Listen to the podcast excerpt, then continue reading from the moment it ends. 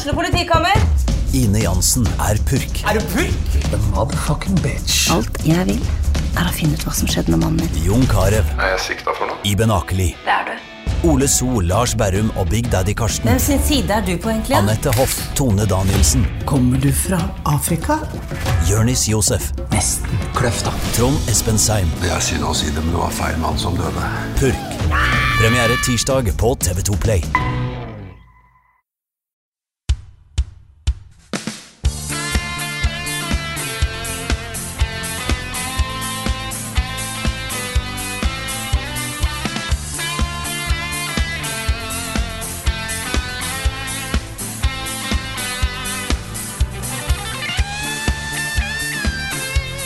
Og vi er klar med en podkast som skal lyse opp dagen din som stjerneskudd på himmelen. Jeg er Frida Danmo, med meg i dag har jeg Karl Martin Hogsnes og Runefjell Olsen til en ny episode av podkasten Level Backup. Og så nei, noen av dere meteorittstormen i går? Vet du hva, jeg hørte om den da jeg våknet i går. Så var det noen som fortalte meg at uh, For jeg var på hyttetur. Så da de som eide den hytta, han fortalte at, øh, at han hadde stått opp og sett på. Så sa jeg du skulle vekt meg! Ja. jeg, det- Dette er første gang jeg hører om en meteorittstorm. Jeg, Ja. det fælt det er mye meteorer det skal være om dagen. Ja, dette er, jo, ja, dette er jo litt mindre enn den som var eh, natt til 25. juli. Dette her er jo eh, Var jo en mer planlagt, eller ting du visste om, da. Eh, sånn meteor shower, som det heter. Det var vel noe rest av en asteroide eller et eller annet som, som eh, gjorde å krasje inn i. Eh, jeg eh, tok en tur ut i halv tolv-tida i går og satte meg på en benk og så et par-tre stykker. Det var veldig koselig. Eh, Det er jo sånn Supermann kom til verden. Ja, det er det. Ja. Ja. Alle disse her brenner jo opp, da. Det er jo det som er tingen. Den store som var i juli, den landa jo kanskje. Disse her var jo bare småstein som brant opp i atmosfæren. Mm. Men jeg er litt ekstra opptatt. Jeg syns ting med uh, space er litt gøy, så Men, men guys, yeah. Idris Elba er Knuckles. Det er jo òg ei stjerne, så Ja, på himmelen, på en måte. Ja, ja. Jeg syns det er oss- morsomt. gir oss håp. Ja, altså etter at han, øh, han, øh, han spilte vel Nelson Mandela, gjorde han det? Jeg, jeg husker ikke helt, men han uttalte seg i hvert fall i forbindelse med en rolle hvor han har spilt Nelson Mandela. da, Og da var det et eller annet om at, øh, at øh, den rollen hadde fått han til å innse at han, han ikke kunne liksom spille noe annet enn rollefigurer med bare en sterk moralsk ryggrad og, mm. og sånne ting. Så det er fint da at han stiller opp som Knuckles. Oh yes. Nelson Mandela and Knuckles. Ja,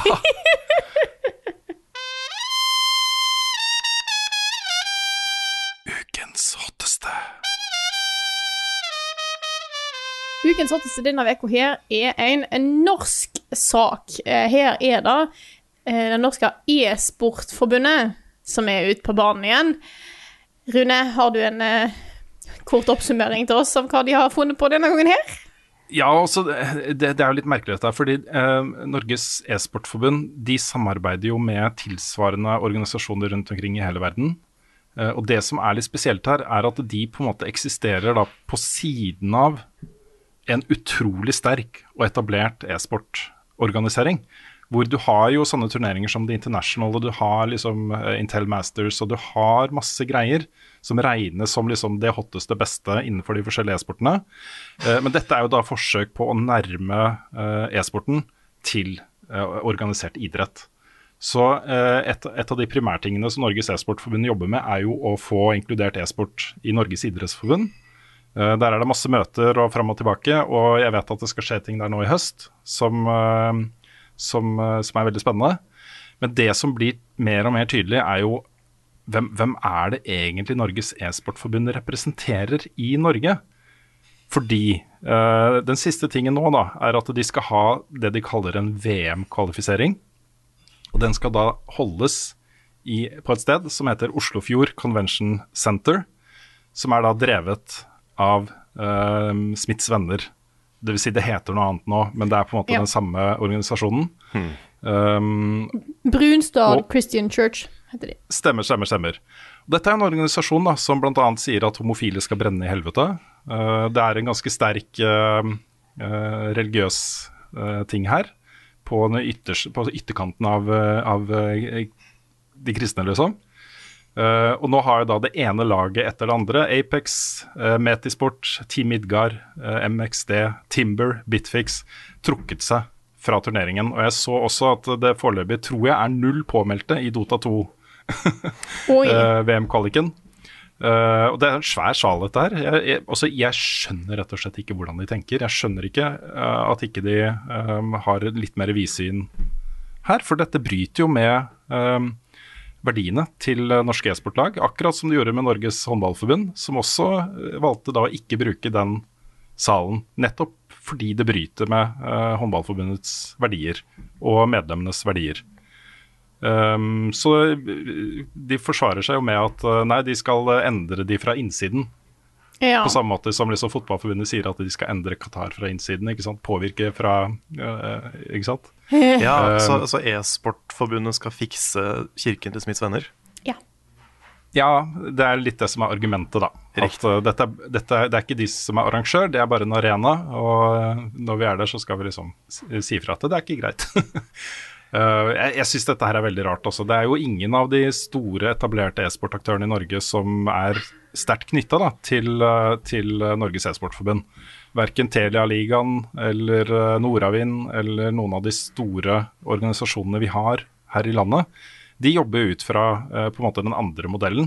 Som jo er la e-sport være e-sport. Det altså det hadde vært fint og flott om vi hadde fått en del av grasrotmidlene til Norsk Tipping og sånne ting.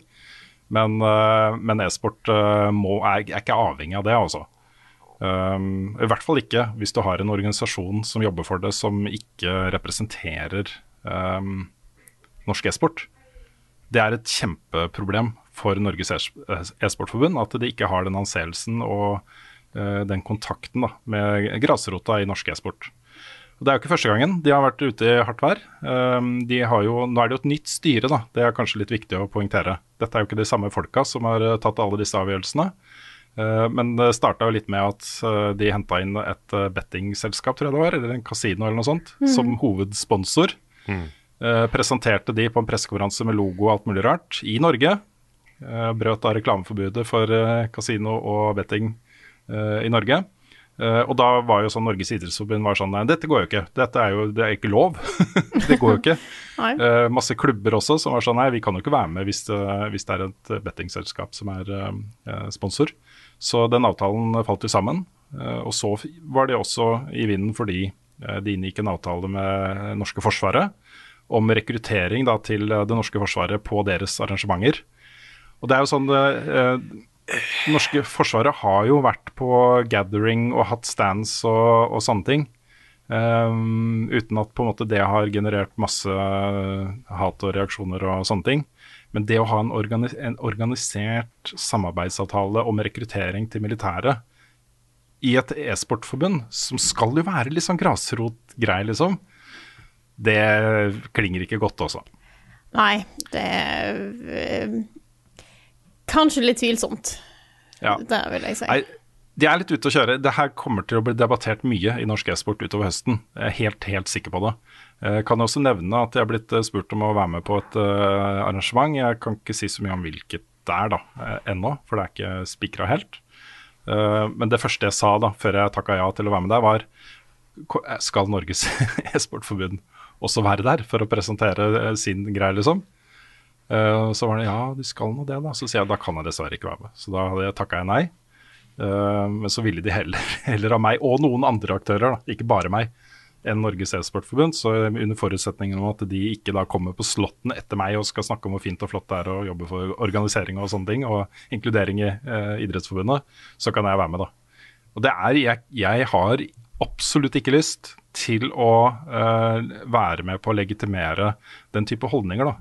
Det å kjempe for eh, inkludering og at eh, alle mennesker er like mye verdt.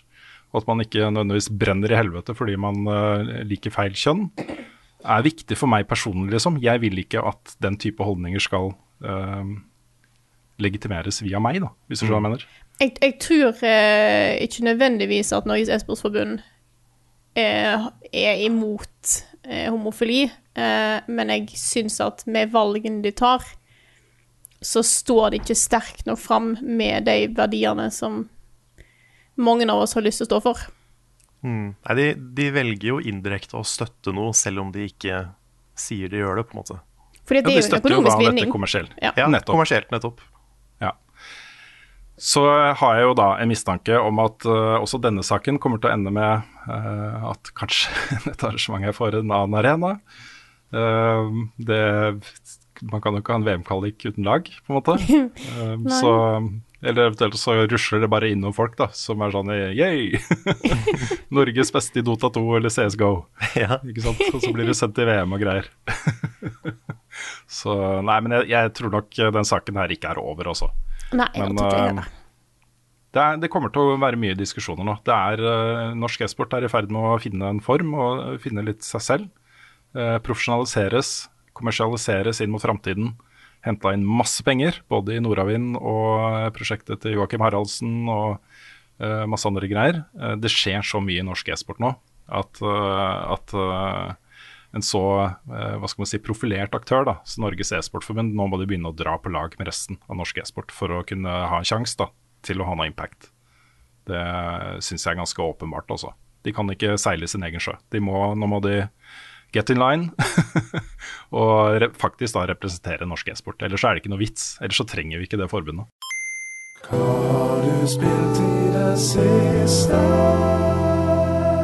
I dag har jeg lyst til at vi skal begynne med Rune. Ikke bare har du spilt eh, dritten ut av Returnal på stream, men du har spilt masse Oh, annet yeah. i tillegg. Ja, men jeg vil ha litt kred for den Returnal-streamen også. Tolv timer, to Ja, du, deaths. du Ja. fortjener litt cred for den. Altså. Ikke, bare, ikke bare spilte du bra, men du holdt ut i en tolv timers stream hvor du skulle prestere i et så intenst spill. Så Ja, det, er, det er kudos, altså. Ja, vi fikk eh, secret ending og alt, liksom. Fader også. Mm. det var eh, kjempeartig. Men eh, jeg har jo spilt en del nytt. Eh, jeg har lyst til å begynne med et eh, event som jeg var på sammen med sønnen min i helgen. Det var da The Rift Tour i Fortnite. Ja. Konsert med Ariana Grande. Det var kjempemorsomt. Jeg spilte med sønnen min og en kompis av ham. Og de syntes det var kjempeartig å vise meg Fortnite. Jeg spiller jo ikke Fortnite, og det, jeg hadde jo en helt fersk konto og sånne ting. Jeg spilte litt da det kom, men har ikke spilt det på superlenge. Det var en herlig opplevelse, altså. Den, eh, det, det var lagt opp litt mer som en sånn Quest, hvor du hadde sånn vannrutsjebanesekvens hvor du skulle samle ting og booste og sånne ting. Eh, du hadde en annen sekvens hvor du kjørte rundt i et fly og skulle skyte et stort monster. og så kommer jo da liksom Ariane Grande og jeg Vet du hva? Ehm, det er jo ikke nærheten av å stå liksom rett foran en faktisk scene og se heltene dine på scenen, liksom. Men det er ikke så langt altså Det er noe der. Den følelsen av å da komme inn mot Ariane Glande som åpner hånda si for å strekke den ut mot meg, liksom, som er på vei mot henne, det var ganske kult, altså. Uh, og så var det jo lagt inn masse arbeid i å lage sånne helt fantastiske miljøer som du hoppa rundt i og uh, gjorde ting i mens uh, hun hadde konsert. da. Det var en kul opplevelse. Det er sånn, eh, Nå er jeg klar. Neste gang det er eh, event i Fortnite, så skal jeg også bli med på det. Også, For det er eh, et eller annet der som jeg tenker er litt sånn fremtidens underholdning. da. Um, jeg var jo vilt imponert over Travis Scott-konserten, som jeg da bare fikk sett i opptak etterpå. Og tenkte liksom Gud bedre, det å være til stede der må ha vært dødsfett. Uh, så, um, så dette er litt sånn, sånn medie, mediefaglig kult å få med seg, altså. Så jeg anbefaler det. Det er jo gratis, det er bare å laste ned og kjøre på. så ja. Så er det masse masse penger i det. da. Jeg har hørt noen rykter om at uh, Ariane Grande fikk var det 20 millioner dollar eller noe sånt for å gjøre dette her. Ha. Det er mye mer enn å ha en vanlig konsert. Ja. Så, så det er spennende. Og så, da, uh, har jeg spilt uh, et spill som kom ut i uh, går, eh, på torsdag. Uh, og det var da delsendt til Assassin's Creed Valhalla, The Siege of Paris. Og folkens, jeg var jo litt sånn lunken til den forrige delsend. Jeg syns det var litt sånn der eh, venstrehåndsarbeid på manus. Litt sånn der by the numbers. Og så, ok, nå skal vi lage en opplevelse som bare er mer Assassin's Creed Valhalla. Hva gjør vi da? Og så bare slenger vi inn noen greier, liksom. Ja, fordi Det det, var, jo- litt sånn, da. det var jo én ting det spillet mangla, det var content. det, er, det er ikke nok content der. Det er ikke Nei, nok story. Nei. ikke helt. Nei. Men dette her er jo da eh, et det er faktisk uh, Siege of Paris. Det skjedde jo. Vikingene uh, beleira jo Paris. Uh, og det er jo basert på dette her. Og historiefortellinga i denne delscenen er bare 1000 ganger bedre enn den var i eh, Wrath of the Druids også. Det er eh, fullt på høyde med de kuleste histori historiesekvensene i grunnspillet, syns jeg. da. Den er ordentlig godt fortalt, med skikkelig kule bad guys og en kul sånn um, bakenforliggende sånn secret sect-type ting osv. Godt fortalt, altså. Veldig, veldig spennende og dramatisk. Så, så den anbefaler jeg, altså. Den er uh, Jeg vet ikke om jeg rekker å lage en anmeldelse av det, men den er uh, veldig, veldig god. Så hvis du er på jakt etter mer innhold til Valhalla, så, så anbefaler jeg den på det aller varmeste. Det går også noen rykter om at kanskje Cassandra dukker opp igjen utover høsten også. så det skjer sin Det her har vi ikke snakka om, da. Men vi, i sommer, mens vi hadde ferie, så uh, fortalte Ubisoft at uh, Assassin's Creed nå blir et sånn Games as a Service-hub. Ja, hvor uh, du har Ikke sant? Assassin's Creed Infinity, var det det skulle hete? Eller sånn? Ja, det var noe sånt. Ja, fordi Det var ikke helt tydelig hva det var snakk om. Om det var snakk om liksom et nytt spill som skulle bli en sånn der Fortnite som alltid, beveger, alltid utvikler seg, liksom. Ja, ja. Eller om det skulle bare komme liksom expansion etter expansion til Valhalla, f.eks. Jeg ser litt for meg at kanskje liksom Halo Master Chief Collection kan være en slags modell der. fordi der har du en del grunnspill, og så har de bygd på den med remasters og nye versjoner og patcher og sånne ting.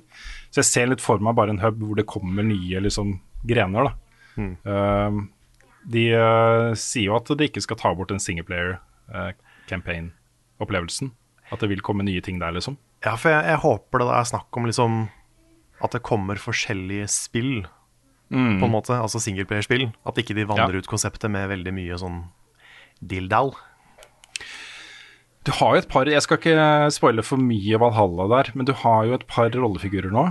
Eh, Cassandra er den ene, det kan jeg, kan jeg jo si, fra Odyssey. Eh, og så ble det jo introdusert en ny, eh, litt sånn overbyggende rollefigur i Valhalla. Som nok kan komme til å gå igjen da, i fremtidige utgivelser også. Eh, og der ligger det noen muligheter da, til å trekke liksom, røde tråder gjennom forskjellige tidsperioder og uh, historier.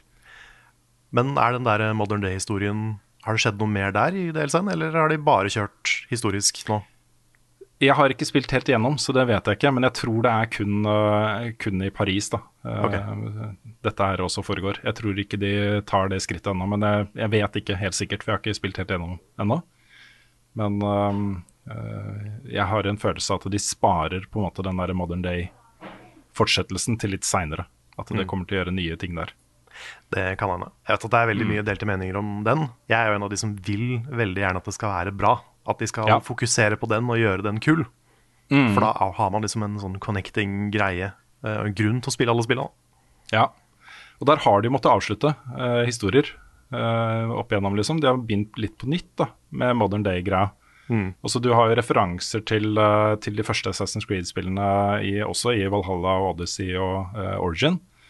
Uh, de snakker jo om Desmond Miles og uh, sånne ting, liksom.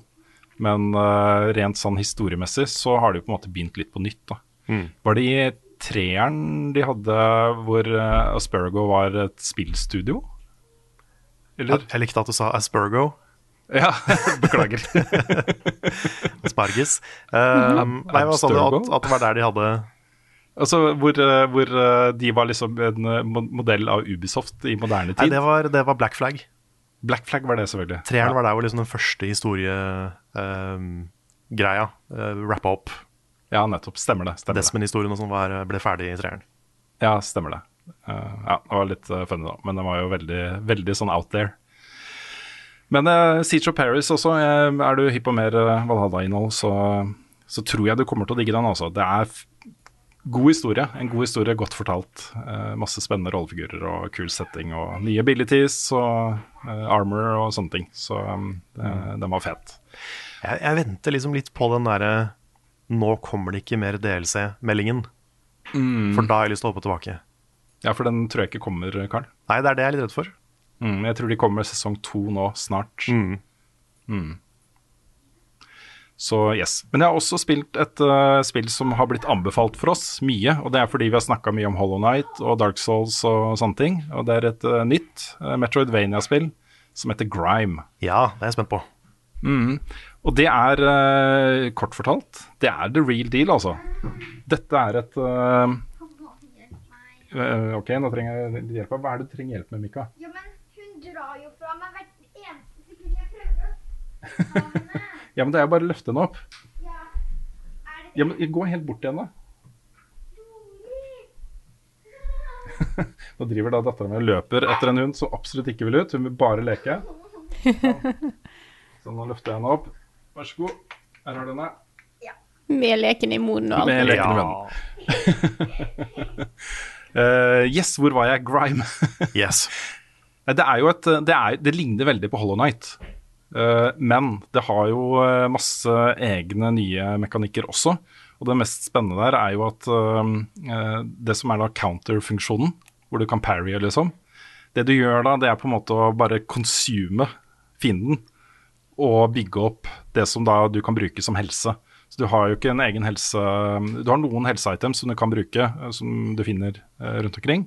Men det som er hovedkilden din til helse, er at du konsumer fiender, og så får du en sånn bar som du kan bruke, da, tømme og få helse tilbake. Så det er også inkludert i bosskamper, og det er litt kult, altså. Hvor eh, bossene, den første bossen har masse armer som slår deg hele tiden. Da kan du da, eh, på de angrepene som ikke er røde, så kan du parrye og consume den armen. Og legge den inn i helsebaren din, liksom.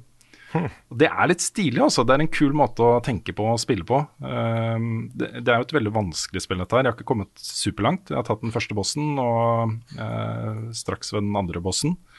Men, eh, men det er veldig givende og tilfredsstillende å spille dette her. Og den har jo masse av de samme eh, bevegelsesgreiene som Hollow Night hadde. Så, så hvis du likte det, så er du ganske hjemme da, i dette her også. Masse secrets, uh, kule våpen. Et av de første våpnene du finner, er jo det som ligner mistenkelig på et Fume Greatsword, Carl. Ja, riktig. ja. Så det er jo åpenbart at, uh, at de har henta litt inspirasjon fra Souls også. Uh, og det er jo ikke en dårlig ting. Jeg, tror, jeg tror dette her er er noe for folk som liker litt sånn hardcore 2D Metrovania, Souls-inspirert, Met Hollow Night-inspirert Mm. greier, altså. Ja, fordi jeg har vurdert å spille det der Ender Lilies. For jeg har også hørt at det er liksom ganske likt Hollow Nights. Ja. Men er dette her bedre så langt, syns du? Jeg fikk en mye, mye bedre følelse av dette enn av Ender Lilies, okay. som jeg også spilte en en time og halvannen eller noe sånt. Um, Ender Lilies føles mer som en, en bevisst kopi, mens uh, Grime føles mer som noe eget, hvor de har gjort nok nytt. da, og har uh, et uh, stødig nok grep på konseptet til at det føles som en, en egen opplevelse, ikke bare noe som skal ligne på noe annet. Så um, jeg digger liksom finte design og design av rollefiguren og, og sånne ting. Det har en helt nydelig åpning, det spillet her. Hvor det er to sånne skapninger som er litt sånn humanoide. De er litt menneskelignende, men de har jo sånne eh, eh, krystallgreier på kroppen og sånt. Litt sånn ekkelt. Sånn blanding av ekkelt og vakkert. Som da har seg i det kosmos. Også det, det er veldig sånn vakkert med sånn veldig vakker musikk og sånt, og så er på en måte du er resultatet, da. Eh, et perfekt menneske i en eh, ikke-perfekt verden. Så det er jo eh, noen av de rollefigurene omtaler jo deg som perfekt, da. Og du har jo da en menneskelignende kropp, men et bare sånn lysende ball som hode. Så, um, ja, det er hodet da, du bruker til å suge livskraften av andre ting. Så spillet starter med at du får se din egen unnfangelse, på en måte. Ja, det, det er i hvert fall sånn jeg tolka det. da. Det er litt abstrakt, men eh, det var sånn jeg tolka det. For det er, ikke sant, det er to folk som har seg, og så kommer du. Så- Riktig. Det er jo ofte ja. sånn det funker. Ja, det er ofte sånn det funker. Til slutt så har jeg bare lyst til å nevne kjapt at vi går jo radig mot en ny sesong av eh, Destiny 2. eh, Og nå på Reset så hadde de en epilog for den utrolig gode historien som har vært da, i den pågående sesongen. Hvor vi fikk en slags konklusjon eh, på hvordan det gikk der. Og Utgangspunktet her er jo at, eh, at i starten av sesongen så eh, er det jo en eh, gruppe Fallen, Elixni, som får søke tilflukt hos The Guardians. Også tidligere fiender, eh, nå flyktninger. Eh, og så har det alle disse temaene om, om nestekjærlighet og eh, forsoning og alt dette her. Eh, og så har du da eh, ganske sterke krefter innenfor The Guardians som, eh, som vil kaste ut fiendene våre, og som eh, eh, maner til, eh, til krig og konflikt og eh, bare få de vekk. Og så kjenner jo en del paralleller til ting som foregår i vårt eh, samfunn. Jeg syns det er ganske modig og tøft gjort av Bunji å ha så tydelig eh, budskap da, politisk budskap i en historie. Eh, og det som skjer nå da på, på tampen, det, det, er jo at, uh, at, disse factions, altså Dead Orbit, New Monarchy um, og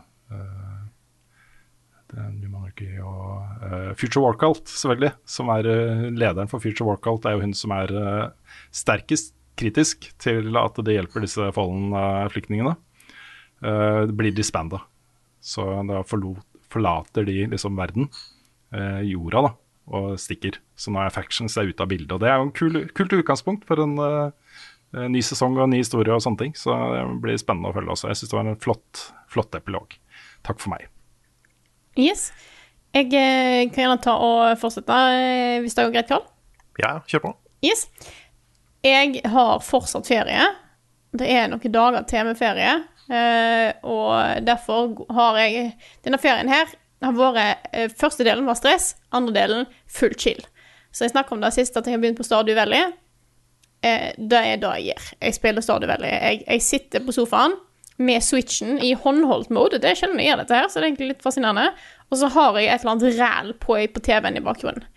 Og jeg har det altså så fint. Det er så, så herlig å bare sitte og ha det, det, er noe, det, er ikke noe, stress, det er ikke noe styr, det er ikke noe tenking. Det er liksom bare ren avslapping og kos, og det er egentlig veldig fint. Men jeg skal ta opp et nytt spill òg. Eh, jeg husker ikke om jeg nevnte det sist gang, men jeg har i hvert fall begynt å teste ut Mini Motorways. Ja, det har jeg hørt om. Mm -mm. ja. Som er et Altså, det er veldig sånn minimalistisk eh, spill, men du skal altså bygge veier. Og du starter med at du har noe hus og med én farge, og en bygning med samme farge, og så skal du da for veier mellom disse her. Og så etter hvert så bare popper det opp nye hus eh, og nye bygninger, eh, gjerne med flere farger, og så skal du bygge veier mellom disse her. Du har begrensa antall eh, veitiles, og så får du òg løst opp etter hvert trafikklys og rundkjøringer og eh, motorveier og bruer.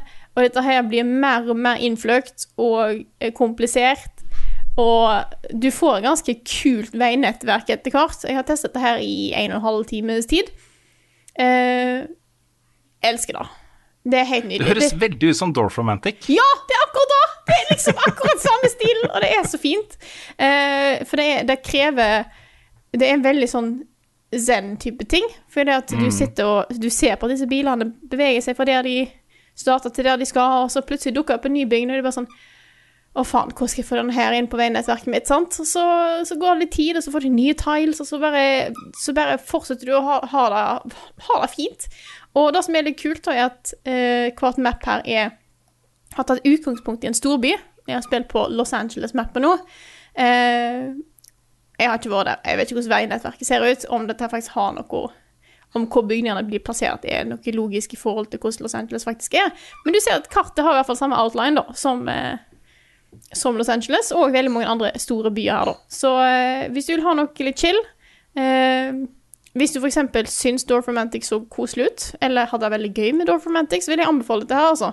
Det er perfekt, perfekt chill, rolig spill eh, som som du kan eh, Litt sånn som Dorf Romantic, hvis du begynner å tenke litt strategi og litt sånn praktisk her, så tror jeg du kan få til ganske mye kult. Her kan du heldigvis fjerne veier. Hvis du ser at dette her går helt til helvete, så kan du fjerne veier og så legge nye. nye. Så eh, anbefales. Det er Mini Motorways. Det er i hvert fall på Steam. Kult. Jeg vet ikke hvor andre plasser det er. Men det kom ut i juli i hvert fall, så det er ganske fresh.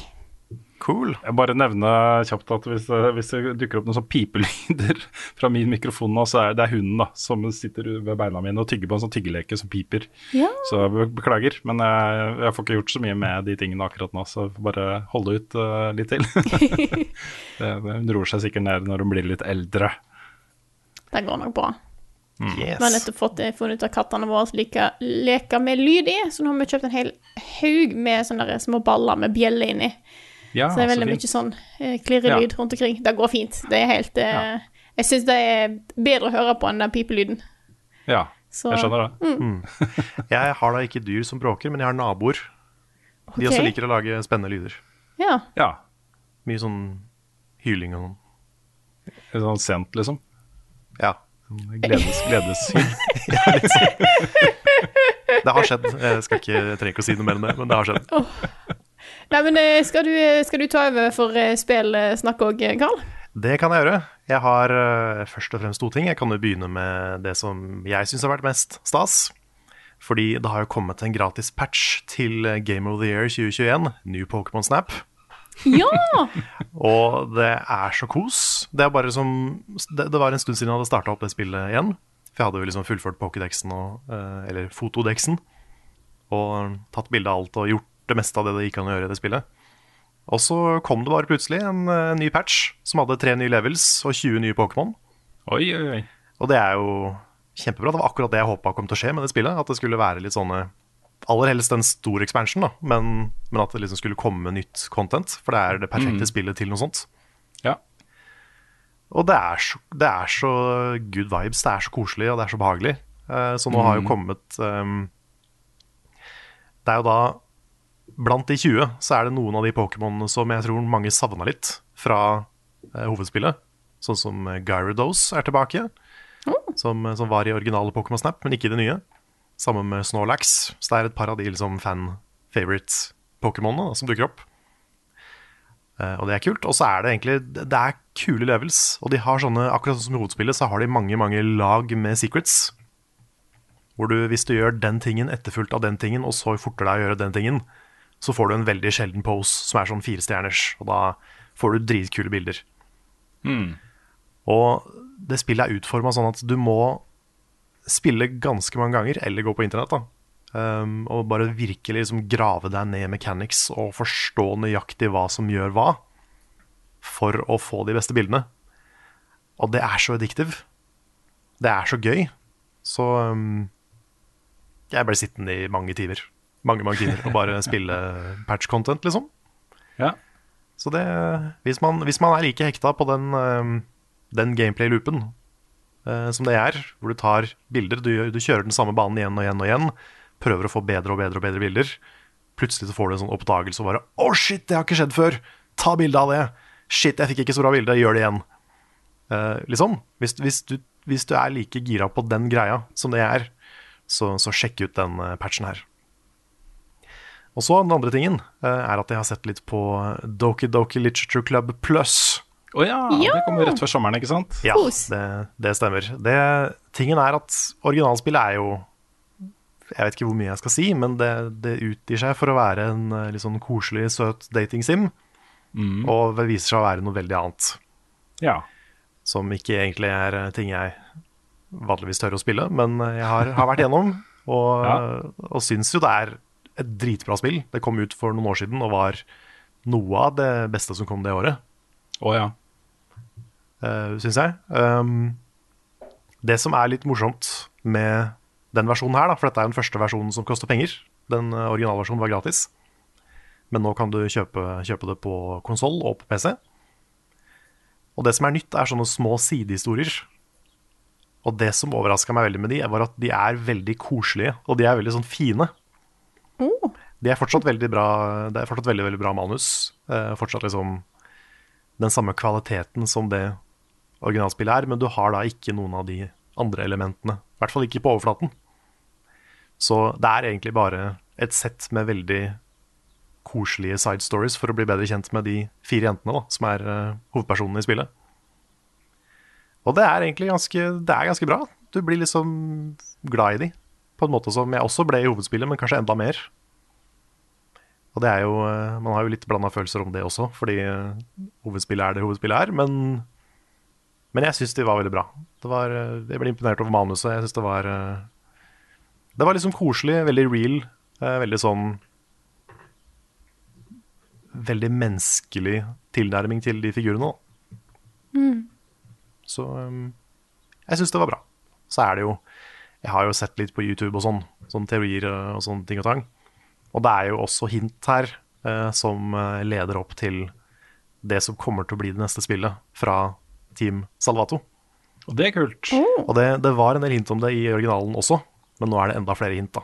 Så du kan på en Mm. måte, hvis du graver skikkelig ned og løser, altså konverterer koder til andre språk, og det, du må ganske dypt ned i, ned i eh, the metagame, uh, men du kan finne hint til hva de kommer til å jobbe med.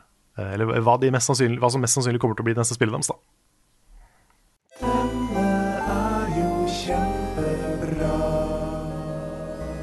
Ukens anbefaling. Denne anbefalingen har jeg tenkt å starte med et spørsmål vi har fått inn på Discord. eh, Fra Silacoid. Han skriver Hei, har dere somla dere til å stemme ennå? Nå er Ja. jo nemlig eh, forhåndsstemminga åpna. Den åpna 10. august, eh, og er åpen fram til 10. september. Og har vi stemt, folkens? Yes. Ja. Jeg Nei, altså det, den, den ene boden ligger jo liksom bare rett bortafor her jeg bor. Så på tirsdag så skulle jeg gå og hente en bil. Jeg skulle på hyttetur. Da gikk jeg forbi den.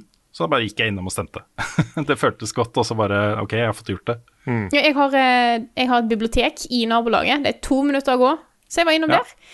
Eh, jeg eh, innså så jo Altså, jeg tror første gang jeg stemte, så stemte jeg på valgdagen. For det er da du får liksom beskjed om, du får et valgkort, der står det hvor du skal møte opp, og når, og alt det der greiene. Men du kan forhåndsstemme! Og da, Ja. da er egentlig litt eh, Du kan forhåndsstemme hvor du vil. Du må ikke gjøre det på den plassen som står på valgkortet ditt. Den er kun åpen på valgdagen, mange av disse her. Eh, du, kan, altså, du trenger ikke forhåndsstemme i kommunen du er bosatt i engang.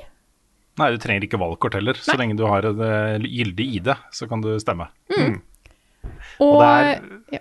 veldig smart å forhåndsstemme, fant jeg ut. Jeg gjorde det i går, og det var null kø. Det er så deilig å slippe liksom det der rushet på valgdagen. Mm. Og bare få det unnagjort. Slippe å tenke noe mer på det. Ja. Det er jo forståelig å ville vente hvis man vil få med seg alle debattene og sånn som kommer til å være på, på TV og på, i, i mediene framover.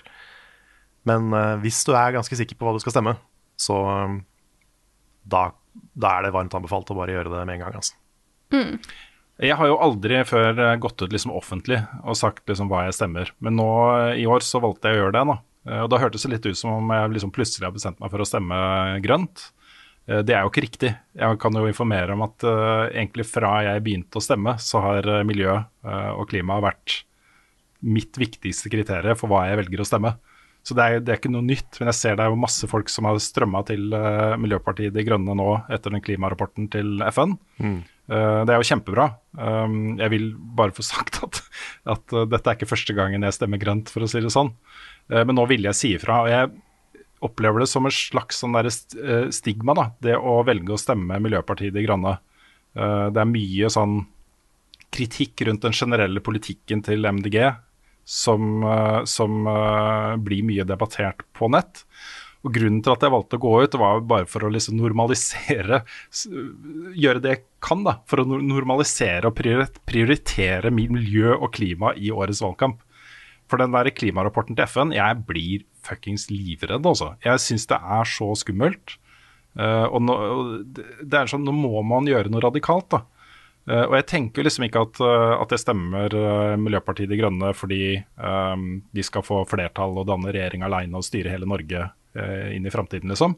Men jeg vil ha et veldig, veldig sterkt uh, klimasentrert uh, faction da, på Stortinget som kan presse Arbeiderpartiet så langt de kan til å ta riktige klimavalg for fremtiden. Det er, det er min begrunnelse for å stemme MDG, er det, da. Um, og jeg tenker jo sånn at når vi vet det vi vet, når forskerne sier det de sier, og FN går ut på den måten de gjør Det er samme for meg hva du stemmer, men eh, du bør helst stemme klima og miljø, uh, tenker jeg da. Det, Det er, det, jo, eh, det er jo flere partier som, eh, som går ganske hardt ut eh, når det kommer til klimasaker. Mm. Eh, har jeg sett. Så det er En har flere valgmuligheter der hvis en ikke vil stemme MDG. Ja, og så, og så er det jo en ganske sterk sånn øhm, del av Arbeiderpartiet som gjerne vil styre Arbeiderpartiet inn i mer klim klimavennlig eh, fremtid og politikk. Um, så det er ikke sånn at hvis, hvis SV og MDG og Rødt, uh, og for så vidt Venstre også, som har en god klimapolitikk øhm, Det er ikke sånn at de møter bare en hard vegg, da, tenker jeg, hvis de kommer med krav i budsjettforhandlinger og sånne ting. Uh, det er eh, mange i Ap også som er interessert i å lage en litt ny kurs for Norge. Og en ting som folk må ha litt klart for seg nå, da. Jeg, så, jeg, jeg fikk eh, kommentarer fra en på Twitter som jeg ikke har orka å svare på. Eh, det er så mange som ikke helt forstår, føler jeg, da det, det her er min, mine tanker og mine følelser. Som ikke forstår det at det er på en måte allerede for sent. Nå må det drastiske tiltak til. Det er ikke sikkert det er sånn at vi kan beholde den måten å leve på. For alternativet kan jo være sant, at hjemmene våre blir ødelagt av flom og uvær og alle disse tingene. Og det alternativet er jo mye verre enn at vi kanskje ikke kan fly så mye som vi gjorde før, eller kanskje ikke ha eh, bensinbil. Eh, den type ting, da. Så um, det er ganske klart beskjed fra FN om at oljeproduksjonen må stoppe opp. At vi må erstatte eh, energien vår med klimavennlig energi. Og da er vi i Norge i en posisjon til å faktisk gjøre noe med det. Og det kommer til å bety ganske harde eh, endringer i måten vi lever på. Um, men alternativet er jo så forferdelig. Og jeg, jeg er stressa, altså. Jeg er bekymra. Det er jo mange som jeg vet at jeg ikke er veldig aktiv i politikk, og da er ikke jeg heller. Jeg er ikke god på dette her, men jeg har eh, funnet noen saker som er viktige for meg. Mm. Eh, og jeg vet det er mange som er på en måte usikre på om de skal velge fordi de ikke føler de har kontroll på det politiske bildet i Norge. Og da skjønner jeg det er noe styr, det er noe herk, det er noe håpløse greier. Men det er en del valgomater der ute, for dere som er usikre. Eh, der får du opp eh, hva de ulike partiene syns om noen viktige saker. Eh, kanskje er ikke Altså, nå er det Nå hører dere jo helt sikkert tydelig at klima er det viktig for alle oss tre her. Eh, men kanskje er det andre saker som er viktigere for deg. Ta og Se hva parti som eh, eh, som er enig i det du sier på de, på de store og viktige tingene for deg. For meg så er det eh, klima, rusreform, eh, helse og eh, at alle skal ha det bra, mm. på en ja. måte. Det er, det er, veldig eh, generelt, men ja. Mm. Det er, det er, nok, jeg tror det er ganske vanlig å stemme på en måte basert på sine egne hjertesaker. Fordi det er vanskelig mm. å finne et parti man er 100% enig med i alt. Uh, så man må bare på en måte uh, se litt inn i seg sjøl. Hva er det viktigste for deg? Uh, for min del så er det mye av det samme som Rune og Frida sa. Det er miljø, det er mindre ulikheter i samfunnet, det er hvordan vi skal behandle hverandre, den type ting, som er viktig for meg. Og da stemmer jeg litt ut ifra det ofte. Mm. Mm. Og, så er det jo litt når, vi ser på en måte det som har skjedd i Tyrkia, i Tyskland, Hellas, USA osv. bare i år, også de forferdelige ødeleggelsene som har skjedd. Dette er jo en type endring i samfunnet som påvirker alle de andre områdene som politikere er opptatt av, og som et samfunn er opptatt av som handler om, uh, handler om uh, velferdsstaten vår. Da. Om helsetilbud, om, om alt mulig rart. Arbeidsforhold osv. Altså den miljøsiden av dette her kommer til å styre alt, hvis ikke vi gjør noe. og da, for meg, da, som jeg er opptatt av sant, skole og masse andre ting, jeg også, men alt dette kommer til å bli påvirket av miljø. Og det er en så stor og viktig sak at at den blir litt sånn overskyggende for meg. Mm. Det, er, eh, det er nesten Ja, jeg, jeg, har ikke noe sammenligning, men uh, ja. Det er, det, det, det er altoppslukende, på en måte. Også det er den ene store, viktige, viktige saken for oss uh, som mennesker nå. Det er å få ting litt på kjøl igjen, altså. Jeg tenker vi tar snart en runde av den, det segmentet her. Men før jeg gjør det, så vil jeg bare si eh, Når vi tar opp ting som er sånn dette her, så hender det at det kommer litt kommentarer. Og jeg vil bare si det en, enda en gang. Spill eksisterer ikke i et vakuum. Nei, det gjør ikke det. Eh, og politikk er viktig for oss alle. Og derfor syns vi at det er helt innafor å ta det opp i den podkasten her. Eh, I det lille segmentet her. Mm. Så jeg vil bare ta det standpunktet der. Mm. Spill er òg gjerne politikk. Ja, Politikk, og påvirka av oss. Mm, politikk fins i alt. Det er på en måte en, en, del av virkeligheten vi ikke kan fjerne. Man kan godt tenke at man ikke er så politisk, men det er feil. Fordi politikk fins literally i alt. Så det kommer et spill i oktober som heter Battlefield 2042. Hvor utgangspunktet er jo at verden på en måte har gått under da, i anførselstegn eh, pga. klimaødeleggelser. Uh, og dette er temaer som, uh, som er i spill. uh, og som ikke er separat fra spill. Det er inkludert i eh, spillmediet, det også.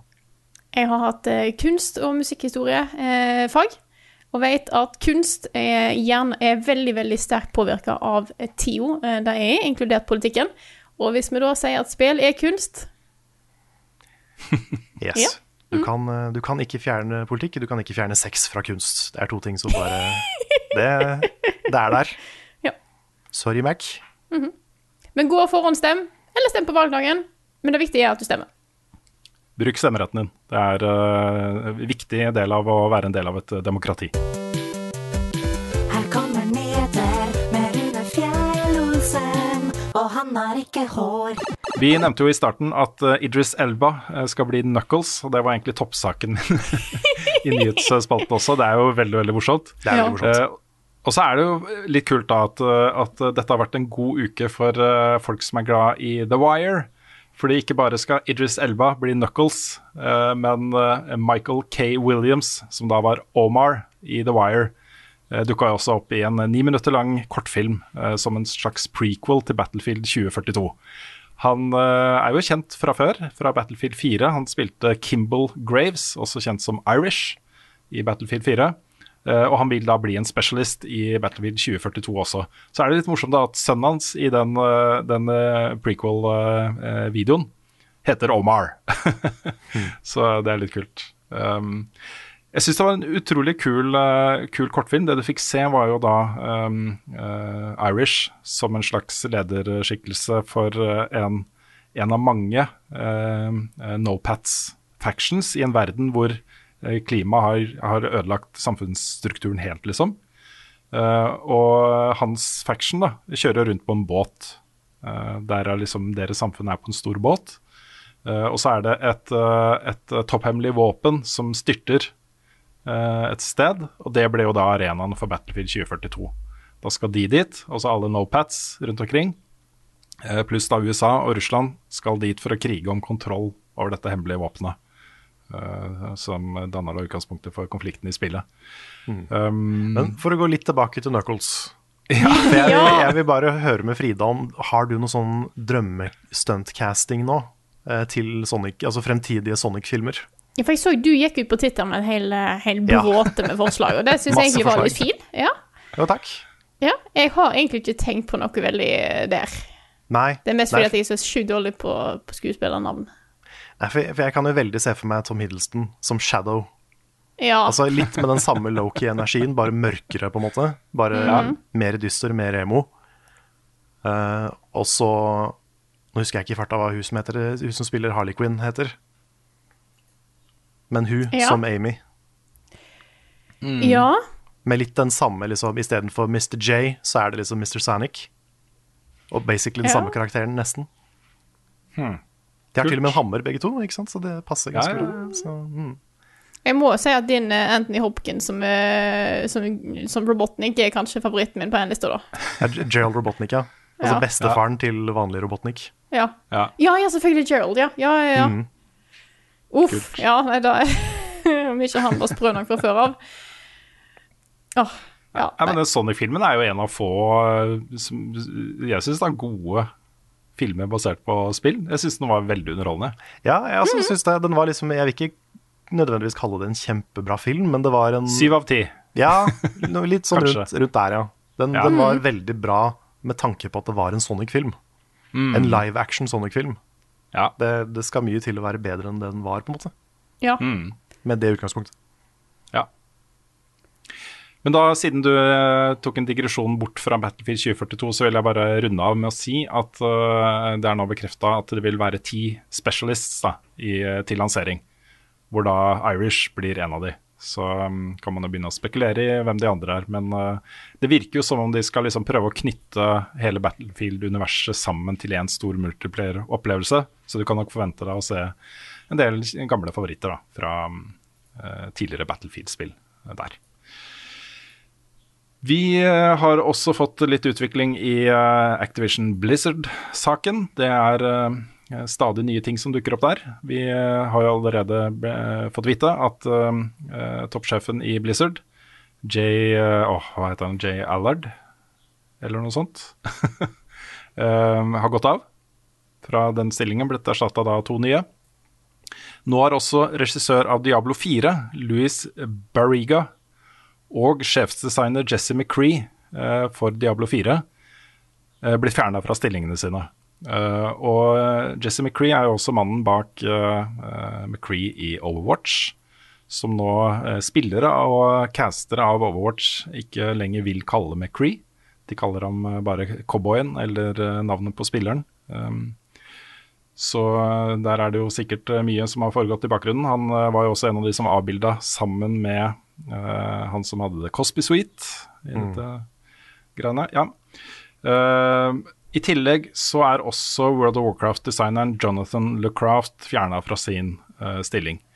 Um, Fran eh, Williams, var det ikke den het? Nå burde jeg ha notert meg disse navnene. Hun eh, Fran uh, Ja, var det ikke heter? Compliance Officer. Hun var jo leder for et kvinnenettverk i Activision Blizzard. Uh, det er hun ikke lenger. Hun har trådt til side fra den posisjonen. Riktig, det er hun som er i de bildene med World of War Crimes. Stemmer det. Hun var jo med i Bush-administrasjonen og en av de som da var ute offentlig på, i media og forsvarte bruk av eh, waterboarding og tortur. Um, som da er eh, Chief Compliance Officer i Activision Blizzard nå. Hmm. Spenstig person å ha med på laget. Ja. Uh, I tillegg så har det kommet et nytt søksmål mot Activision Blizzard. Vi vet jo fra før at delstaten California har saksøkt selskapet for brudd på arbeidsmiljøloven. Vi vet at eh, aksjonærer har gått sammen om å saksøke selskapet fordi de ikke har informert om de undersøkelsene som California har gjort gjennom to år. Nå har også eh, flere sponsorer eh, av selskapet gått sammen om å saksøke Activision Blizzard. Så det eneste som gjenstår nå, er vel da at spillerne gjør det. Vi får se. Det, kanskje det kommer noe class action lawsuit ut fra den kanten også. Det er eh, ganske eh, svære greier også som foregår rundt det selskapet nå. Det er eh, ja. Heter Fran Townsend. Townsend, Fran Townsend var det selvfølgelig. Beklager også. Jeg pleier å notere disse tingene, fordi når jeg snakker på inn- og utpust, så går det litt fort, og så glemmer jeg navnet. Det går fint. Så vi er nok uh, tilbake til uh, Activision Blizzard uh, jevnlig gjennom høsten og framover, til den saken her er avklart. Det har gått et rykte nå om at Take Two er i ferd med å komme med tre remasters eller remakes av gamle spill. Og da ryktene har jo vært innom alt fra Max Payne og, eh, eh, og sånne ting. Men nå kommer det da et ganske solid rykte, som er gjenfortalt av folk jeg stoler på, om at det vil komme en pakke med remaster-versjoner av GTA3, Vice City og eh, San Andreas nå i høst. Til alle plattformer. Så um, ta det med en klype salt, det er et rykte, men uh, høres ikke helt uh, utenkelig ut altså. at det gjør noe med det. Og så har vi fått et, eh, en nyhetssak som jeg tenkte å ta i form av et spørsmål fra uh, Scene4. Jeg vet ikke, Skal vi ta kjenningsmelodien, eller skal vi Ja, da tar vi den på senga, skal vi se. Just give me a sec. Bare Ja. eh, distrahere lytterne litt. Rann. mm, Jeg kan ta en annen nyhetssak mens du leter, Carl. Jeg Gjør det. Uh, og det er eh, fordi det er litt sånn personlige grunner til at jeg har med den. Men Hades er nå ute på PlayStation. Yes. Hades er ute på PlayStation. Og Xbox. Det er det mange som har venta på. Og Xbox. Um, jeg, eh, nå skal jeg spille det. Når du har trophies, vet du, så skal jeg spille det. Ja. Når du kan ta platinum. Ja, Når jeg, tar, når jeg kan ta platinum, så skal jeg spille det. Yes. Nå er jeg klar. Kjør på. Ukens Sin4. The A500, eller A500, er bekreftet eh, til starten av 2022 og er en miniutgave av Commodore Amiga 500. Har dere noen gang spilt Amiga-spill, og er dette noe redaksjonen vil snuse på, og kanskje til og med lage anmeldelse på? Det var da Trond Borgersen, også kjent som Sin4, som hadde det spørsmålet. Jeg, eh, mitt forhold til Amiga er rett og slett at eh, i klassen min så var det bare to som hadde spillmaskiner da jeg gikk på barneskole. Og den ene hadde eh, Commodore, og den andre hadde Amiga. så jeg har spilt Amiga, men jeg har ikke eid den selv. Og har ikke noe sånn nært forhold til det som eh, spillmaskin. Og dere Nei. var vel ikke født engang? Nei. Nei, det vil si, jeg tror jeg var født Eller det vil si, jeg husker jeg ikke i farta når Amiga kom, men Altså, det var Amiga 500 står eh, mai 1987 i Europa. Ja, det var bare noen måneder før jeg ble født. Ja. Så um, ja. Nei, det, da var jeg Da for ung. Jeg, jeg kom inn med Sega Mega Drive og NES. Det var der Mm. jeg starta min spillkarriere, så det var litt før min tid. Mm. Nei, men den kommer jo, og det er jo kjempegøy. at det kommer, altså Dette er jo kulturkonservering, Så, så lenge disse maskinene er gode og har bra utvalg av spill og er representative for uh, den kulturelle betydningen konsollene hadde, så er det jo supert. Og um, vi eh, har jo gått til anskaffelse av både Ness Mini og SNES Mini her i heimen. Eh, de syns jeg var gode, altså. Der var det i hvert fall et, eh, et bra sånn tverrsnitt av hva man kunne få på den plattformen. Så det blir nok til å teste den, tenker jeg. Hva er dines best, hvordan fredag sist? Har Carl egentlig sopp? Ukens spørsmål. Og vi starter med et spørsmål fra Robert, som skriver Er det et spill som har betydd ekstra mye for dere gjennom pandemien? Og nå begynner vi jo kanskje, forhåpentligvis, å se litt eh, lys igjen av tunnelen her. Eh, så nå Ja, det er jo snakk om full gjenåpning i september, sier eh, regjeringen. Ja, Mm. og jeg skal få framskynda dose to. Ja. Så det er jeg fornøyd med. Yes. Ehm, men ja. Vi har jo, det har jo blitt litt spill på oss under pandemien. Jeg, jeg syns ikke vi kommer unna Animal Crossing, jeg, altså. Nei. Det var uh, den effekten det hadde på psyken uh, til min og andres i starten av dette helvetet her, var eh, sterk, altså. Det er sant. Det var liksom en, en ting å glede seg til når man sto opp om morgenen og se hva som hadde skjedd på øya. Vi Mm. brukte det jo som spilleuka studio. Um, Stemmer for å liksom prøve å gjenskape det å være i samme rom på en slags rar måte. Mhm. Så helt klart Animal Crossing.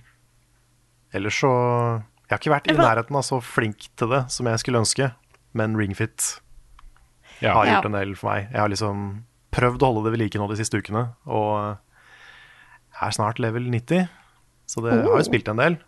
Men uh, skulle gjerne ha spilt det litt mer intensivt enn jeg har gjort. Så jeg vet ikke hvor mye det har for seg akkurat nå, men jeg, jeg tenker liksom at det, det hjelper i hvert fall psykisk da, å være litt i bevegelse. Bedre enn ingenting. Yes. Det er det. det, er det. Ringfit eh, rakna litt for meg i vår. Det ble for mye, eh, mye stress med andre ting. Så jeg eh, håper på å få kommet i gang igjen nå snart. Nice. Etter ferien. Etter ferien. Etter ferien. Ja, ja. Ja. Ellers er jeg veldig glad for at jeg har hatt Destiny da, gjennom den perioden her. Det å ha liksom et spill som er sånn kosespill som man stadig vender tilbake til, og som det kommer nye sesonger av og nytt content til og, og sånne ting. Det har vært en fin ting, altså. For meg så har det Altså Animal Crossing definitivt. Men uh, for meg så har det blitt Det har blitt en del spill sånn som Dorf Romantic og sånt, som Som er veldig avslappende. Som ikke krever så mye av meg. Jeg tror det er litt fordi at jeg Mm. tror pandemien har tatt mye av energien min. Um, og det samme med Animal Crossing, sant? for det er den samme rolige eh, rolig, rolige, litt sånn repetitive ting Det er sikkert også derfor jeg har tatt opp igjen stadig vel en gang nå, tror jeg. Mm. Mm. Så litt den type ting. Jeg husker at jeg I tillegg til at jeg spilte dritten ut av alt mulig rart i fjor. Da, herregud, Final Fantasy 7 to ganger og greier. Liksom, det, det var Oh yeah. og, og Bloodborne. Det har liksom vært ganske mye intense spillopplevelser. Mm. For det skjer ikke andre ting, på en måte. Nei, sant. Men jeg husker, jeg husker jeg tenkte på det når jeg spilte Persona 5 Strikers, at det var en sånn roadtrip gjennom Japan-historie. Og det, det husker jeg traff meg litt sånn der Shit, dette er faktisk Dette savner jeg. Å dra på turer med folk og liksom sånn Spesifikt liksom venneturer til nye steder. For det har jo vært helt umulig lenge nå. Så um, det var en sånn derre Jeg vet ikke om det nødvendigvis hjalp å spille det eller ikke, men, men det var liksom en sånn ting som toucha innom det. Mm. Ja. Ja. ja men jeg lurer på om vi skal bare ta neste spørsmål. Rune, har du Det et på lager? Ja, jeg kan ta et her som har kommet fra Jakob på Patron, som spør da hvis dere måtte calle det nå, blir 2022 tidenes beste spillår? Det er jo det, På papiret så OK. Breath of the Wild 2, Elden Ring, Starfield, God of War Ragnarok, never heard of it, never heard of it. Pragmata, det nye fra Capcom. Uh, Stray, dette kattespillet. Babylons Fall. Og så har jeg satt opp også Resident Evil 4 Remake, Dragon Age 4, Jedi Fallen Order 2 og masse annet. Det kommer så mye greier i 2022 at det er nesten ikke morsomt engang. Stor sjanse for Final Fantasy 16. Ikke sant? Ja. Eh, kanskje neste kapittel av Fine Fancy 7 Remake. Ja, jeg er litt mer Nei. usikker på den. Jeg tror, det, jeg tror nok det blir uh, året etter. Mm. Horizon blir nok utsatt til neste år. Eh, kanskje Fable 4. Det er så mye greier liksom på vei nå som er bare, det ser helt vilt ut. Så på papiret, hvis alt dette kommer i 2022, alt som har blitt flytta på, alt som vi har gått og gleda oss til og sånn, så ser det litt sånn ut, altså. Ja. Definitivt. Det er, det, er, det er jo skummelt å calle sånt på forhånd, men mm. det er såpass mange store spilltitler som sannsynligvis kommer til å bli veldig bra. Eh, så jeg, jeg har tro på at neste år kan bli et knakende bra år. Det skal mye til å slå 2015 og 2018, for de er Ja. to sånn kongeår, liksom. Men uh, det er et potensial der, altså. Ja, du har jo andre år også, 98, 2004. Mm. Uh, det, er, det er år hvor det har kommet liksom noen av tidenes største klassikere liksom samtidig. Ja. Så, så det skal litt til også. De må, de må opp på det nivået, da. Super Mario 64-type impact, liksom. Men um, uh, ja, kanskje. Kan jeg ta et relatert spørsmål, Ja. i og med at vi snakker om det? Fra Adrian Simen Holm, eh, så spør da hva tenker dere om at Miyazaki har sagt at Elden Ring skal ta rundt 30 timer å fullføre? Flere timer trenger jo ikke bety mer kvalitet, men med tanke på at dette er en åpen verdensspill de har jobbet på i så mange år, hadde jeg kanskje håpet på et tresifret antall timer selv. 30 timer er kortere enn mange andre FromSoft-spill. Endrer dette deres forventninger til spillet på noen måte? Mer positivt, yes! Åh, hvis det hadde vært 100 timers eh, spill, så, så tror ikke jeg at jeg hadde hatt tid til å fullføre det. Det at det er 30 timer, gjør meg glad. Ja, jeg vet ikke om det nødvendigvis er kortere enn andre FromSoft-spill. Fordi du bruker lang tid på de den første gangen du spiller de, fordi det er vanskelig. Men det er veldig sjelden jeg har mer enn liksom 15-20 timer i et FromSoft-spill. Ja, jeg husker ikke hvor mange timer jeg brukte på Bloodborne første gang, men jeg tror det var oppe i rundt 50 også, før jeg tok eh, siste bossen. Lurer på det. Mm. jeg tror jeg var oppimot, altså inkludert DLC-en, så var det sikkert en plass mellom 20 og 30 på Blåbånd. Kanskje 30. Eh, men jeg hadde, jo, jeg hadde jo litt hjelp underveis, og det skal jeg jo, skal jeg jo si. Men, men jeg syns jo egentlig det er bra, for jeg syns egentlig at veldig mange av disse open world-spillene har blitt for lange. Jeg har snakket om det før. Jeg syns eh, Det er jo mer fordi jeg ikke er like glad i den sjangeren. Eh, jeg syns å ha en, ha en, en konsentrert spillopplevelse ofte er, er mer interessant. Mm. Men det er jo litt sånn eh, mange av disse spillene er nå. Uh, ta Returnal f.eks., hvor uh, du hvis du bare fosser gjennom og får tak på uh, combaten ganske fort, så vil jeg anslå kanskje 15-20 timer da, på å ta siste bossen og komme deg gjennom. Men da kanskje 100 på å få platinum, liksom. Så når han sier 30 timer for et spill som Elden Ring, så forventer jeg jo at det er mulig å gjøre mer enn å bare rase gjennom storyen, liksom, på 30 timer. Ja, altså, Så- Hvis det er åpent, eller hvis det er ganske open world, så tyder det kanskje mer på altså, Hvis man tenker litt mindre lengde på spillet og litt mer strukturen på det, da, så betyr jo det at det er veldig mange måter å gjøre ting på. Ja. Så jeg vil tippe at det er mye å få ut av å spille gjennom det igjen, f.eks. Uh, bruke en annen bild, bruke en annen uh, vei gjennom det. Mm. At det er mye sånt. Så kan man, ja, altså man kan jo også tolke det tallet på 30 timer som at kanskje Ellen Ring blir noe mer tilgjengelig enn eh, tidligere FromSoft-spill. At uh, Jeg har i hvert fall opplevd i nesten alle FromSoft-spillene, kanskje alle, at jeg har uh, stoppa opp og begynt å grinde litt levels og sånt for å få en litt enklere vei videre. da. Brukt en del timer på det, liksom. Um, kanskje ikke eh, Kanskje lagt opp til at ikke det er nødvendig nå, da. At man eh, skal kunne gå en path gjennom dette spillet, ta bossene i en en eller annen rekkefølge, og så komme seg til slutten og få en rulletekst på da 30 timer. Eh, jeg syns Jeg jeg blir ikke skremt av det, altså. Same. Har Yes. du lyst til å fortsette med et spørsmål, Karl? Det kan jeg gjøre. Det, jeg kan ta et spørsmål fra Tobias Gjerlaugsen. Hvis dere kunne reist tilbake i tid og gjort tre endringer som fikk direkte konsekvenser for internett, slik vi kjenner det i dag, hvilke endringer ville dere gjort? Jeg har egentlig bare én jeg kommer på i første omgang, og det er eh, Jeg ville sagt nei til algoritmer som mennesker ikke forstår. Ja. Ikke, ikke la det styre internett, liksom.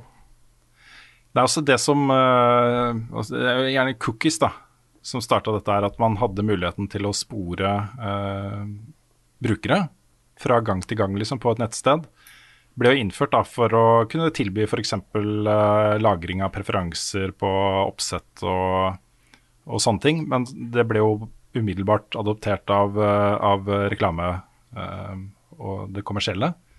Og nå er det jo Altså, jeg, jeg, jeg mener jo eh, det knefallet som uh, internettsider, da, og også seriøse medier, har gjort for reklamebransjen der, er et kjempeproblem. Altså det er det at vi nå eh, graver oss ned i hva vi sier ja til da, på disse sidene når vi får beskjed om du vil akseptere liksom, cookies, og graver deg ned i hva det faktisk betyr. Så er det, det er jo en liste på hundrevis av selskaper som du aldri har hørt om, som får dine data. Når du går inn på, på VG eller Dagbladet eller eh, New York Times eller eh, et eller annet. Og det, jeg, det, det, det er jo så invaderende. Det er så invaderende, og det gjør meg mindre lysten da, på å besøke disse sidene. Det skjer så ofte nå at jeg går inn på side. Det kan være alt fra guider til spill til uh, hva som helst, liksom. Hvis jeg ikke får en knapp opp med en gang hvor det står bare 'reject all', eller 'avvis alt', så går, da finner jeg liksom informasjonen et annet sted. Sånn har det blitt for meg også. Jeg har ikke lyst til å grave meg ned i menyer på den måten. Det er, er s- det, det, det er så mange sider som bare har en avtale med at de sender all, all data til rett til Facebook.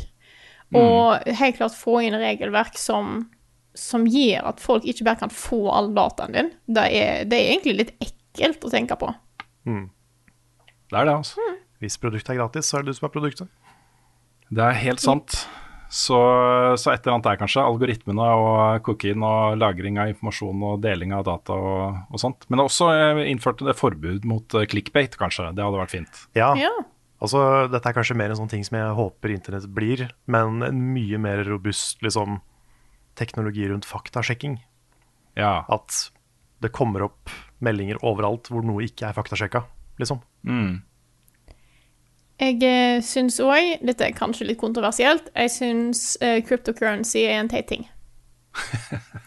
Jeg syns det tar eh, Det ender opp med å bare bruke masse strøm. Men har du, ikke, har du strøm hørt om den går til tolv år gamle har du ikke hørt om den tolv år gamle visjonæren som har investert i cryptocurrency, Frida?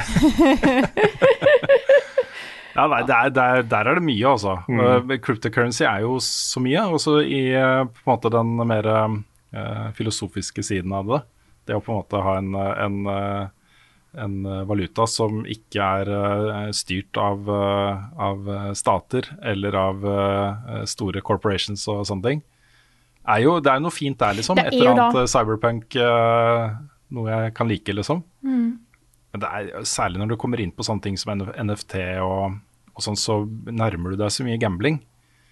Og litt sånn ufine eh, finanspraksiser, da. At eh, det begynner å bli problematisk, altså. Ja, det er noe med at altså, jeg, jeg skjønner på en måte at, eh, at cryptocurrency har noe bra bak seg. Jeg tror bare ikke da å sette opp gigantiske parker for å bare mine cryptocurrency for å tjene penger, som igjen bare bruker strøm, som ikke alltid er fornybar, syns jeg egentlig ikke er nødvendigvis en Kanskje den retningen vi skal gå i verden, men det er Nei. min egen personlige mening. Mm. Yeah. Jeg mista dere litt der i noen sekunder, så jeg håper at uh, connection holder resten av podkasten. Hører deg godt nå, i hvert fall. Det er bra. Absolutt. Mm. Skal vi hoppe videre jeg- til neste spørsmål? Ja, kan jeg ta et eh, spørsmål? Ja. Fra Einar Stavnes, uh, som spør da. I filmbransjen ser man en tendens til at det lages to typer filmer. Store blockbuster-filmer med store budsjetter og stor inntjening, og små indie-filmer med små budsjetter og en inntjening som er deretter. Dette har resultert i et vakuum for midtbudsjettfilmer fordi disse filmene ikke har god nok inntjening til å rettferdiggjøre det budsjettet som trengs for å lage en slik film. Kan man se en lignende tendens i spillbransjen, eller eksisterer det fortsatt mellomstore spill? Og Det er et godt spørsmål. Ehm, Det som, eh, det som jo eh, den, også, Det koster jo mer og mer penger å lage disse svære blockbuster-spillene. Ehm, Det har jo skapt grobunn for mye in, bra indiespill. Også det lages veldig mye bra indiespill som også blir populære, og som slår gjennom, og som blir store. Hades, f.eks. Uh, massevis av spill. da. De selger jo ikke like mange eksemplarer som GTA, liksom. Eller Minecraft, eller hva det skal være. Men de selger jo mer enn nok da, til å finansiere utviklingen og vel så det. Men jeg vil jo Eh, nesten uh, si at ting som, som Hades og Returnal og Ori er denne midtklasse. Nettopp. Og der har du flere eksempler også. Hellblade, No Man's Sky, eh, Outer Wilds. Mm. Life is Strange. Life is Strange. Uh, Seinere i høst kommer Kina Bridge of Spirits. Uh, ser ut som et uh, 200-mannsprosjekt, men det er 15 personer som har jobba med det spillet. Fy fader. Så, så det, det segmentet her er ganske viktig, altså. Eh, større enn folk er klar over, tror jeg. Jeg tror, jeg, tror, det- jeg tror det har vært viktig for indie- indie-bransjen nå at du ser at det dukker opp en del av disse større satsingene som ikke bare er bitte små. Indiespill har blitt så mye mer enn da det var før, da det bare var noe artsy greier. Hvis jeg kan si, si det sånn. Ja da, det er fair, det. Så nei, jeg, jeg syns det skjer masse der, ja. også. Det er uh, også ofte der de, de mest spennende tingene skjer. Selv om det er liksom Det er ikke så mye som kan måle seg da med å sette seg ned med et nytt FromSoft-spill, eller et nytt God of War, eller eh, Horizon, eller Fable, eller Nei. Halo, eller Men det er jo mye, det er mye som begynner litt sånn i den midtklassen, som blir trippel A også. Sånn som Mm. Demon's Souls var et sånt midtklassespill. Absolutt. Eh, til en viss grad Dark Souls også, egentlig.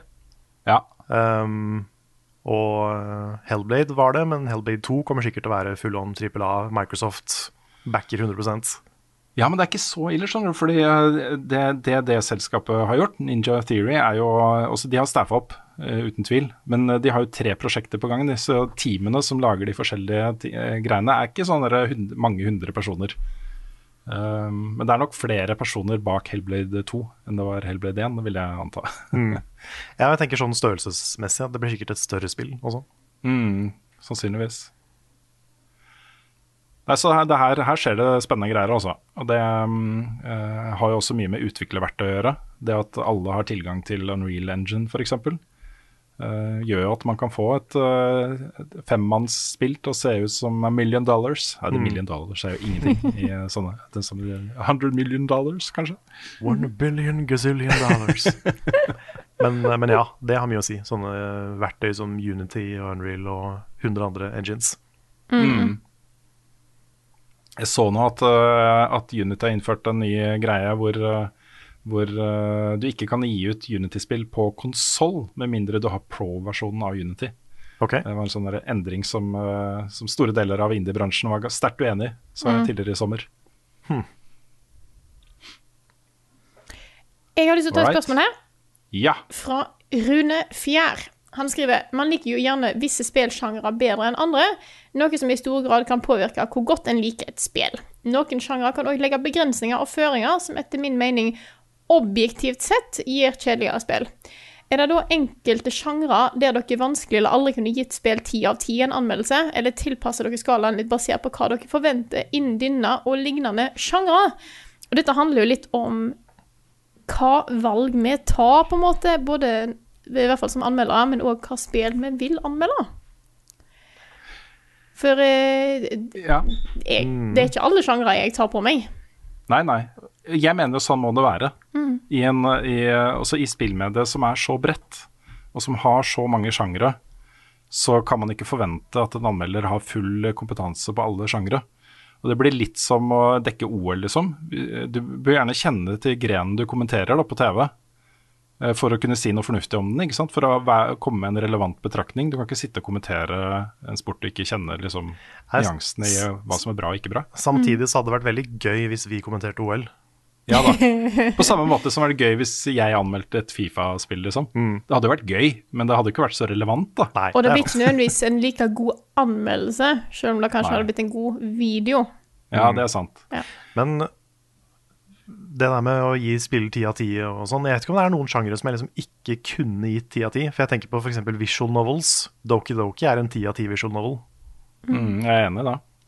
Eh, Og det er jo en veldig enkel sjanger, sånn sett. Det er mm. litt sånn Hvis du skal se veldig kynisk på det, så er det en glorifisert powerpoint. Ja. Og jeg er jo ikke kjempe... Jeg er ikke verdens største fan av eh, pek-og-klikk-sjangeren, men det er noen pek-og-klikk-spill som jeg har spilt som, som, som tar litt friheter innenfor sjangeren, som da gjør at det da blir et ti av ti-spill, fordi at det treffer meg. Jeg tror liksom det generelle svaret på det spørsmålet, for vi har fått en del av det, og jeg vet at det er andre som mener at en anmelder bør kunne anmelde hva som helst. Um, men i uh, vår redaksjon, og det, det har vært tilfellet også lenge før Level Up, da jeg hadde ansvaret for å hente inn frilansere til VG og sånne ting, så tok jeg det som et utgangspunkt at man ikke har like god oversikt over alle sjangre. Og som man eh, bør anmelde innenfor sjangre man er komfortable med, og som man har erfaring fra, eh, og som man i utgangspunktet eh, liker. Også sjangeren i seg selv. Og helst ikke, helst ikke da, det er ikke alltid det er mulig, men helst ikke kaste deg ut i sjangre du ikke verken liker eller har mye erfaring fra. Fordi da, da mener jeg at, at en anmeldelse ikke blir like relevant. da. Um, og De unntakene jeg har gjort selv da, for min egen del, er jo fordi jeg har eh, skrevet for et veldig stort publikum da, i, i VG, og nå også i NRK. Så uh, i hvert fall i VG-tiden så hendte det at jeg spilte litt barnespill og ting som ikke traff meg personlig veldig hardt. da, Hvor jeg måtte ikke være objektiv, det er ikke det jeg mener, men også se på det med litt mer sånn sjangerblikk. da, Mm. En helt utelukkende rent subjektivt blikk. Mm. For da hadde jo alle, alle spill laget for, tre- for eh, tre-fireåringer ville jo fått null, terningkast null. Fordi det er jo dødskjedelig. Ja. Ikke sant? Jeg kan jo regne. Jeg kan jo regne. så, um, så det er unntaket da for, for min egen del. Men eh, jeg vil jo helst ikke anmelde spill eh, innenfor sjangere som jeg ikke føler jeg har kompetanse nok da, til å gi relevante begrunnelser og sånne ting. Så, Mm. så det er vår policy. Vi holder oss til sjangere som vi kan. Og så får vi heller ta noen avleggere av og til og se om kanskje noen andre sjangere kan være noe for oss. Testa ut litt ting. Mm, roguelikes og roguelites og Sant. Mm. Det er eh, viktig, viktig å utvide litt horisonter av og til også. Absolutt. Absolutt. Da har jeg eh, Både jeg og dere tatt alle spørsmålene på min liste. Hadde dere noen spørsmål til? Jeg har noe, tre kjappe som jeg kunne tatt. Kjør. Uh, to uh, relaterte. Et fra Thomas Baarli, som, eh, som jeg bare liker å ta opp fordi jeg vil gjenta det. Uh, skriver da Heo, jeg så på streamen her om dagen der plogen Rune går Rambo gjennom Returnal. og I den sammenheng lurte jeg på uh, om uh, da jeg gjør noen innstillinger i sensitivity eller lignende i FPS og eventuelt andre spill, eller bare spiller på default. Og I starten av den streamen så gikk jeg jo inn og gjorde noen endringer som gjorde opplevelsen litt lettere. da. Du kunne gjøre eh, den siktetingen midt på skjermen litt tjukkere og litt større. Eh, og du kunne også eh, sette opp litt mer aim assist. Um, så, så jeg, jeg gjør sånne ting. Det er alltid, alltid eh, første jeg gjør i et spill. Å sjekke liksom om ok, er det høy nok sensitivity, passer dette min spillestil, den type ting. da. Det er jo viktig å gjøre i alle spill, eh, egentlig. Så, men eh, spørsmålet var egentlig da bare for å eh, si setningen. Plogen Rune går Rambo gjennom Returnal. Plogen Rune går Rambo gjennom Returnal. Er det som blir tittelen din, forresten? Er det som blir ja, ja, din? kanskje det, kanskje det. jeg, jeg, skal, jeg tenker fortsatt at det skal være et eller annet Carl inni den tittelen også, så jeg har Ja. ikke helt landa på den ennå. Ja, du vet at vi, er, vi, vi har seks personer i den duellen. da. Eh, Ja, det var bare én viktig, en annen viktig person. Ja, det er, wow. Ok, men et eh, delvis eh, relatert spørsmål da, fra Christer Horne, som lurer på om Buffkitten AS har personalhåndbok. Ja. Følges arbeidsmiljøloven. Hvor mange overtidstimer har Rune skrevet under sin sommerkos med Returnal? Det er bare å få sagt at det har bare vært sommerkos. Altså, det, det er sånn jeg slapper av. Mm. Så eh, vi har jo en stor utfordring her når det gjelder arbeidsmiljøloven. Hva er jobb, hva er fritid? Uh, hva er kos? Hva er uh, bare hardt arbeid? Det, Sånn eh, må det nesten være, altså. Ja, men det er jo et viktig poeng da, at vi, vi, man må, eh, kanskje spesielt når man har en jobb man er veldig glad i, og som man trives med, Mm. så er det viktig å ikke jobbe hele tida, fordi man blir sliten selv om man ikke merker det. Og jeg har tenkt på det sjøl når jeg sitter i sommer og spilt, eh, spilt inn og klippet Minecraft-episoder og, og sånne ting, at det er jo bare gøy, Mhm. men det bruker energi allikevel, så man må, liksom, Ja man må passe på, og man må liksom eh, være litt bevisst på eh, det overskuddet man har, da. At man ikke mister Ja. det.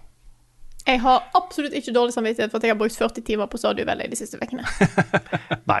Null. Nei, det er kos. Det er Det er kos. Men ja, spilling ser jeg først og fremst på som kos, jeg òg.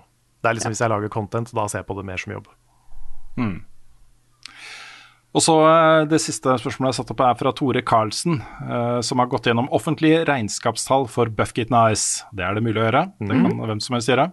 Og Der står vi oppført med to fast ansatte som også eier selskapet. Er ikke Nick ansatt, eller er han innleid?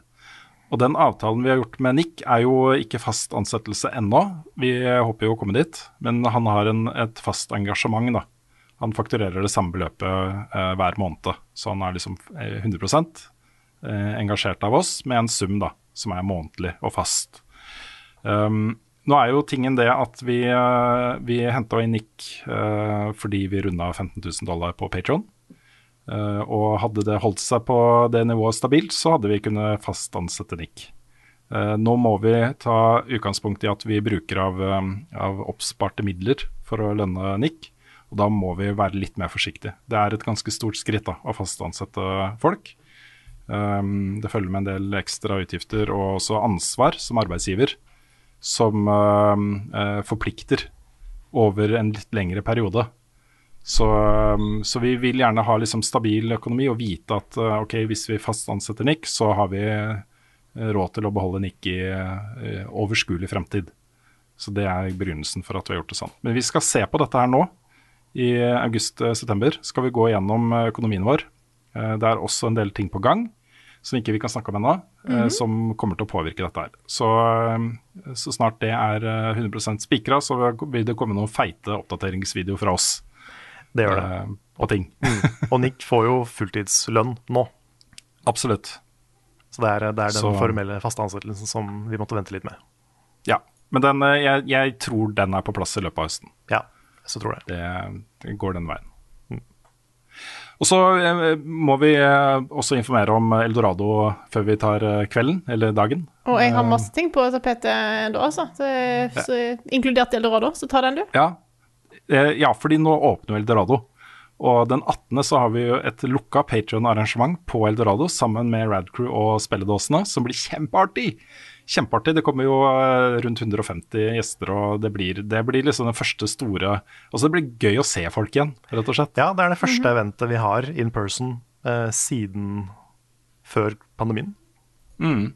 Og så vil jeg bare nevne, for nå er jo billettene er jo eh, revet bort, som det heter. Det eh, er jo kjempehyggelig. Det er ordentlig stas å forberede nå et show som vi vet bare de som er i salen skal få se. Det her kommer ikke ut noe sted, blir ikke streama. Uh, kanskje noe av det dukker opp i opptak, vi får se, men uh, sannsynligvis ikke. da. Jeg forbereder i hvert fall noe som jeg ikke vil skal vises offentlig. Så, um, uh, så det blir kjempeartig. Og så er det da eh, normal åpning av Eldorado eh, helgen etter. Eh, lørdag 21. august er første dagen du skal kunne gå på Eldorado uh, som gjest og være med på ting. Og så da uka etter, uh, den 25., så har vi vårt første offentlige liveshow på Eldorado. Og da blir det hver onsdag framover skal da vi ha et liveshow der uh, på kvelden. Det, det, det, jeg har gleda meg sånn, og det blir så stas og det blir så gøy å kunne gjøre sånne ting igjen. Eh, så det her eh, håper jeg folk kommer på. Altså. Jeg håper ikke at vi eh, smeller i gang med ukentlige liveshows, og så er det tre stykker i salen. Ja, det hadde vært litt nedtur. Men, eh, Mm. men de brettene, eller de plassene til onsdag, de har alle fått beskjed om nå. Så hvis du går inn på Ja. Patreon og sjekker innboksen din, så skal det være en, en infomelding der.